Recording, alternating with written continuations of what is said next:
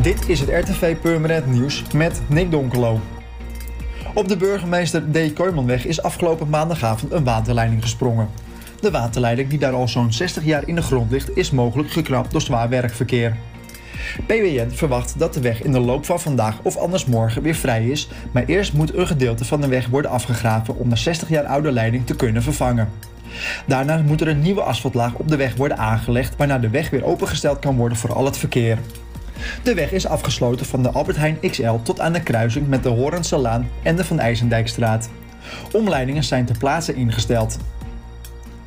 Turncentrum Waterland organiseert op zondag 19 juni een turninstuif in de zaal van multifunctioneel centrum De Boomgaard in de Zuidoost-Beemster. Deze is bedoeld speciaal voor jongens en meisjes die geboren zijn in 2015 en 2016. Het samenwerkingsverband tussen de gymnastiekvereniging Gymnet Purmerend en Hercules in de Beemster in de hoogste turnniveaus hoopt met deze instuif nieuwe talenten te interesseren.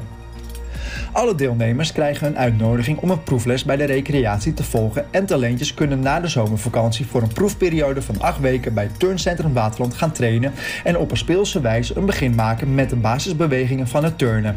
De kinderen kunnen zich op 19 juni voluit uitleven op de turncircuits die is klaargezet en ondertussen zal er gekeken worden naar kracht, lenigheid en het bewegingsgevoel. De turninstuif op 19 juni is vanaf kwart over 1 middags aan de Boomgaard en die is gevestigd op het middenpad 1 in de Zuidoost-Beemster. Na de storing aan de Melkwegbrug van een paar weken geleden is deze tijdelijk hersteld. Nu de vervangende onderdelen binnen zijn, opent de gemeente de brug van maandag 20 tot en met vrijdag 24 juni voor dit onderhoud. De brug is hierdoor voor wegverkeer gestremd. Fietsers kunnen via de sluisbrug rijden en de gemeente plaatst borden waarop de route staat aangegeven. Voetgangers kunnen de boog blijven gebruiken of ook omlopen via de sluisbrug.